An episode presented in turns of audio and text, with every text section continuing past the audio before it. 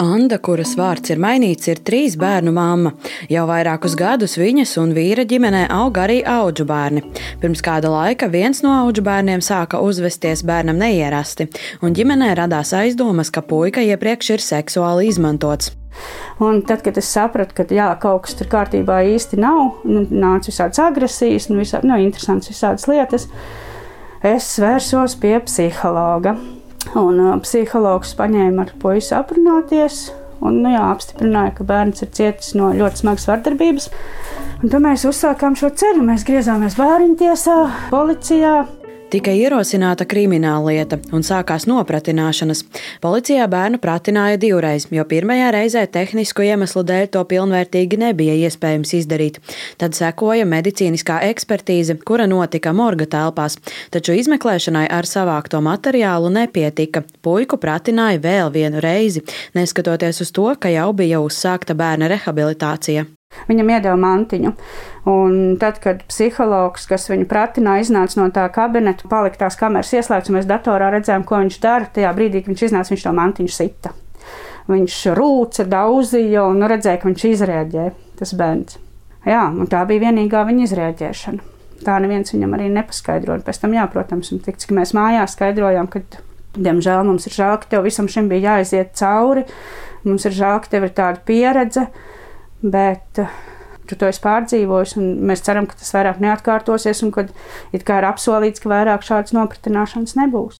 Izmeklēšana lietā joprojām turpinās, tāpēc nav izslēgts, ka bērns būs jāpratina vēl kādu reizi, piemēram, tiesā.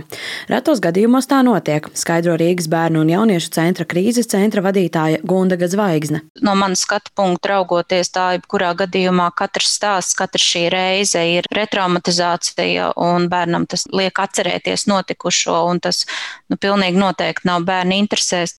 Lai retraumatizācija nenotiktu, Latvijā plāno ieviest nopratināšanas modeli bērna māja, visi speciālisti zem viena jumta. Respektīvi, bērnu pratina vienu reizi tam speciāli sagatavotā neitrālā telpā.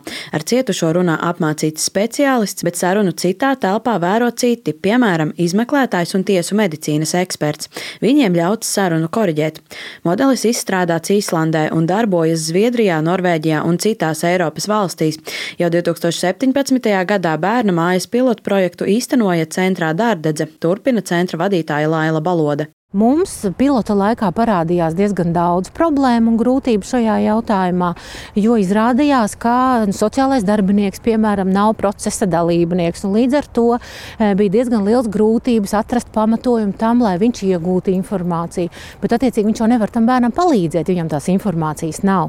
Vai arī viņš bērnam varētu palīdzēt tikai tad, ja tiesa būtu notikusi. Ja? Un tas nozīmē, ka no tā brīža, kamēr bērnam palīdzība ir vajadzīga, līdz brīdim, kamēr viņš viņu reāli var saņemt, nu var paiet reizē reizēm pat pāris gadi. Dārdedzē pilotprojekta laikā nopratināja 22 bērnus. Secinājumus apkopoja ziņojumā, kurš nonāca projekta virzītāju, Labklājības ministrijas un iekšlietu ministrijas rokās.